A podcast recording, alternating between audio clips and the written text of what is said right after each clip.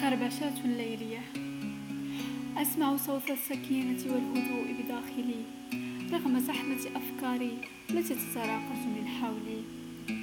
حملت بعدها القلم بين أناملي وبدأت البوح بأسراري. عتمة الليل تنير لعقلي وتجعلني أرى حلمي قبل أن أغطس في نومي.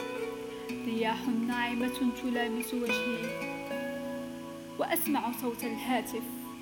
إنه فقط زوجي نائم بجنبي لكنه في عالم آخر مع غيري. سلام على أناس النيام وآخرون بالتفكير متيمون. والبعض يتأملون فراشهم كأنها آخر مرة يرقدون فيه.